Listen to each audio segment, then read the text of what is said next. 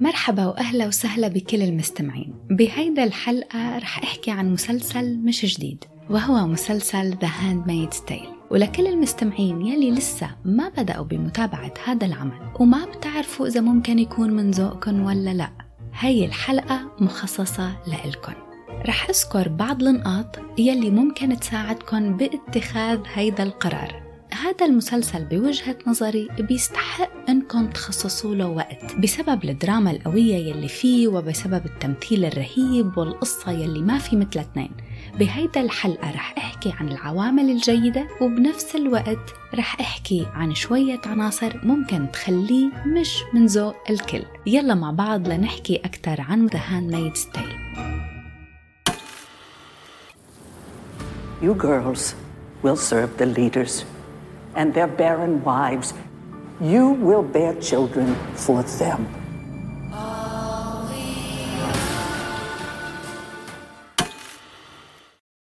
مسلسل ذا Handmaid's Tale من نوع الدراما البحتة بتدور أحداثه بالمستقبل بوقت بتنتهي فيه الحضارة الأمريكية وبيجي مكانها حكومة دينية متزمتة وبيطلقوا على حالهم اسم دولة جيلياد هاي الدولة بتعامل المرأة بشكل ظالم للغاية وبتحجم دورها بالمجتمع وبيصغرها لتكون السلطة المطلقة والكلمة الناهية هي للرجل.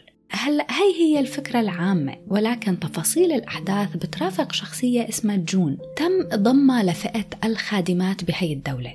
أكيد مش بهي البساطة طبعا.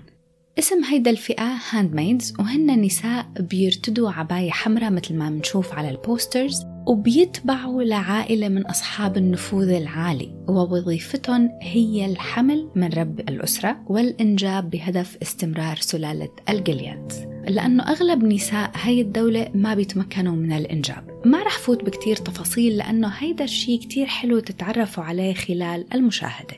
هلأ بالملخص. هذا المسلسل بيطغى عليه العامل المظلم والكثير من مشاهد التعذيب يلي كلها بتفيد الحبكة الرئيسية أكيد والحبكة الرئيسية هي محاولة الهاندميدز الخادمات التحرر من تحت هيدا الحكم الظالم والقاسي ويلي ما بيرحم أبدا. المسلسل للآن مكون من ثلاث مواسم والموسم الرابع رح يعرض بآخر هيدا الشهر شهر أبريل 2021 بيحمل الكثير من مشاهد التعذيب والدماء ومقاطع حميمة كتير. ولهيك أكيد بيناسب المشاهدين فوق ال 18 هلأ الجدير بالذكر أنه المسلسل مقتبس من رواية نشرت بالثمانينات للكاتبة مارغريت أتوود. وهذا الشيء فعلا بيزيد من جمال الفكرة العامة بأكملها. ورح أشرح هيدا الموضوع أكثر بعد شوي. عناصر القوة بمسلسل ذا Handmaid's Tale كتيرة وعديدة وأولها طبعا القصة والبداية. قصة المسلسل رهيبة وبيبدأ بداية قوية وبتشد من الأول. عامل الأسوأ بالتعذيب النفسي واضح من الحلقة الأولى يعني ما بيخبوا علينا أبدا أو عن المشاهد نسبة السوداوية بالأحداث. وبيتمكن المسلسل بهي الطريقة من خلق حالة من الفضول الكبير عند المتابع ليعرف أكثر عن هي الحياة وكيف ماشية وشو قوانينها. وبسبب الأسئلة العديدة يلي ممكن تولد عند المتابع هذا الشيء بيخلي الشخص ينشد ويتعلق بالعمل من البداية فوراً. بعد مرور بعض الحلقات وتزايد التساؤلات والغموض بيبدأ المسلسل بالتنقل بين الماضي والحاضر ليفهمنا شو فعلا عم بيصير وشو هي الأسباب يلي وصلت الوضع لهيدا الحال. عامل التنقل بين الماضي والحاضر بيزيد من حلاوة القصة بشكل كبير وشوي شوي بيكشفوا للمشاهد عن أسرار وأحداث مهمة جدا بتوضح الأسوة والمآسي الرهيبة يلي عم بمروا فيها الهاندميدز وكمان بيوضح التغيرات الجذرية يلي عم تطرأ على الحكومة والبلاد. هاي القصص لما تنكشف بترفع من نسبة تعلق الشخص بالقصة كتير لأنها بشكل أو بآخر بتحسسنا أنه عالمنا مش بعيد أبدا عن هيدا الواقع وبتخلينا نتعلق بشخصيات المسلسل ونتعرف على عقليتهم وخلفيتهم. الجمال الحقيقي للقصة بيجي من الرواية الأصلية لمارغريت أتوود مثل ما قلت بالبداية إنه هي رواية نشرت بالثمانينات. هي الكاتبة كتير ذكية وخيالها جدا خصب لأنه بالرغم من أنها أصدرت هذا الكتاب من زمان بعيد إلا أنه قدرت بشكل ذكي أن نوعا ما تتنبأ بمستقبل الولايات المتحدة. وخاصة بالواقع يلي عم نشوفه حاليا يلي هو مطالبة النساء بحقوقهم والمساواة بين الطبقات والانفتاح الثقافي والفكري وحقوق الحمل والإجهاض وكتير من هي الأمور الحساسة. كلها هيدا خلال المشاهدة بنكتشف إنها مرتبطة بأسلوب متعلق بالمسلسل وبتخلي بالرغم من بعده الكامل عن الواقع إلا إنه مش بعيد لدرجة إنه ما ممكن نفهمه ونحس فيه وبمعاناة الأبطال. طيب على ذكر الأبطال هيدا الموضوع بيجيبنا لعامل القوة اللي كتير كتير مهم وكتير كبير وما كان كمل المسلسل لو ما كان هيدا العامل متقن بالشكل يلي كان متقن فيه. وهو التمثيل والشخصيات. قوة التمثيل والشخصيات بهذا العمل هو الشيء يلي ما فيه نقاش أبدا. درجة إتقان الأدوار والتمثيل بتخلي المشاهد متعلق بالمسلسل ككل وبالشخصيات بشكل محدد. ما في ممثل ما أتقن دوره وما في شخصية إن كانت شريرة أو جيدة بتخلي المشاهد يفقد عامل الفضول واهتمامه بالدور أو بالشخصية. درجة الإبداع من هذا النوع مهمة جدا وخاصة بمسلسل مثل The Handmaid's Tale لأنه هذا العمل بيتناول حقبة زمنية خيالية لا تمت للواقع بصلة إلا أنه جمال الأداء التمثيلي وقوة أبعاد الشخصيات بيخلي المشاهد ينسى أنه المسلسل بعيد عن الواقع والعمل بيعلق المتابع وبيولد داخلنا حالة تعاطف كتير كبيرة بالإضافة إلى التعاطف بيجي التعلق بمصير هؤلاء الأبطال. والحلو هون إنه بالرغم من إنه المسلسل بدور بمستقبل وحياة ما بتشبه حياتنا بخلينا بكل لحظة نحط حالنا مكان إحدى الشخصيات ونفكر إنه لو كنا مكانهم كيف ممكن نتصرف؟ وبكتير من الأحيان منكون جالسين وحابسين نفسنا لنعرف شو رح يصير مع الشخصيات. كل الوقت منكون خايفين عليهم لأبعد الحدود ومنتظرين على أعصابنا لنعرف كيف رح تكون النهاية. من أهم هدول الممثلين وبدور البطولة بتبدع الممثلة إليزابيث ماس بدور جون وهي ال Handmaid أو الخادمة يلي المسلسل برافقها بشكل حصري. وتعرفنا على إليزابيث ماس من قبل بمسلسل Mad Men بهيدا المسلسل إليزابيث ماس بتاخد قدراتها التمثيلية لمكان تاني تماما. بدون ما تحكي منشوف القهر والعذاب والإصرار وقوة الإرادة وكمان الضرر النفسي الهائل يلي تعرضت له. جون ما بتفقد اهتمام المشاهد ولا للحظة وكل حلقة بيزيد فضولنا وتعلقنا فيها وتشجيعنا لإلها لتتمكن من التحرر من هيدا الظلم. قوة الأداء التمثيلي ما بينحصر أبدا على إليزابيث موس لوحدها. كل دور كان متقن وجميل.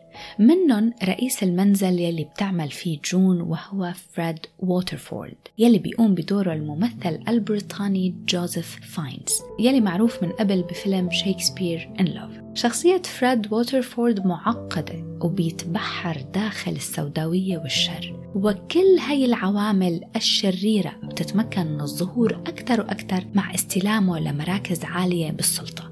الممثل جوزيف فاينز قدم هذا الدور بأسلوب متقن وكتير حلو. في الكثير والعديد من الممثلين والأدوار الجميلة وكمان العديد من العناصر يلي بتجعل هذا المسلسل حلو ومتقن وبيستحق المتابعة. قوة التصوير والإنتاج كمان هي أحد الأشياء يلي بتميز المسلسل. بيتمكنوا العاملين عليه أنهم يعرضوا فعلا سوداوية هي الحقبة وظلامها السائد على الأجواء. هلأ بعرف إنه بالعادة بهيدا النقطة بلش أذكر نقاط الضعف بس بهيدا الحلقة رح يكون في فقرة مختلفة شوي. هذا العمل ما فيه نقاط ضعف للأشخاص يلي عم بيتابعوه. بما أنك عم تتابعه ومستمر بمتابعته فمعناتها أنه المسلسل من ذوقك. وهون بحب وضح أنه مسلسل The Handmaid's Tale ليس من ذوق الجميع. وحتى للمستمعين يلي بيحبوا الأعمال الدرامية هذا الشيء منه كافي. ليجعل من هيدا المسلسل من ذوقك أو على مودك. مسلسل The Handmaid's Tale بيطغى عليه العنصر المظلم بشكل كبير كئيب وسوداوي ومخيف نفسيا. يعني فيه كتير عناصر نفسية ممكن تأثر علينا نحن كمشاهدين. ولكن هون الجدير بالذكر إنه كل العوامل الكئيبة والمخيفة والمظلمة مهمة جدا للقصة والأحداث. يعني مش عوامل مضافة لتزيد من السسبنس. بس ممكن إنه الأحداث من كتر ما تكون تقيلة على البعض ومتابعتها منا خفيفة وسهلة مشوقة كتير أكيد وبتشد بشكل كبير كمان بس ممكن الضغط النفسي ومشاهد التعذيب والجو العام المحمل بالظلم والخوف من الممكن أنه ما يكون مناسب لكل مود وكل شخص Wear the red dress. Wear the wings. Shut your mouth. Be a good girl. Roll over and spread your legs. Yes, ma'am. May the Lord open.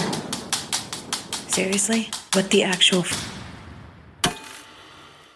هلا من الممكن كتير للأشخاص يلي عم يسمعوا هاي الحلقة يجيهم شعور إنه هيدا المسلسل هو مسلسل سياسي نوعا ما أو برافق الحكومات أو الطوائف الدينية وإلى آخره. أو من الممكن كمان عند النظر للبوستر أو تريلرز يجيهم شعور إنه هيدا المسلسل برافق النساء وإنه هو مخصص للنساء فقط. بس لا هيدا الموضوع بعيد جدا عن الحقيقة لأنه مسلسل The Handmaid's Tale هو عبارة عن رحلة من الإصرار والتحرر من الظلم وكمان فيه عوامل كتيرة بتخلي الواحد يتعمق أكثر بفكرة شو ممكن الأشخاص يتصرفوا لما يكون عندهم سلطة مطلقة. وهيدا الشيء بيوضح جوانب نفسية وجوانب إنسانية ممكن يكون لها تأثير كتير كبير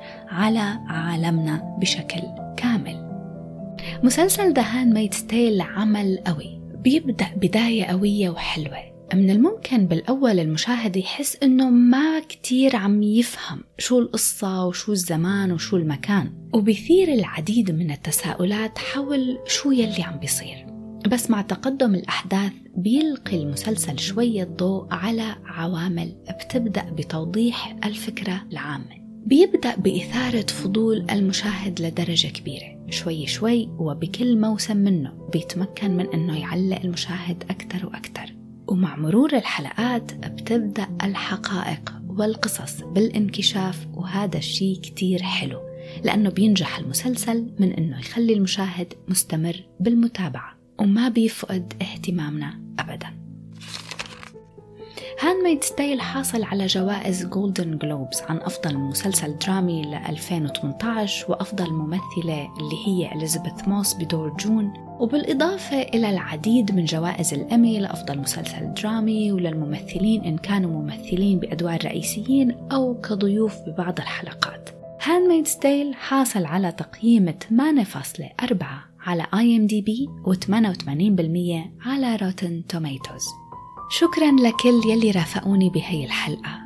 قدمت لكم مسلسل The Handmaid's Tale وبشوفكم بحلقة جديدة ومسلسل جديد. باي باي.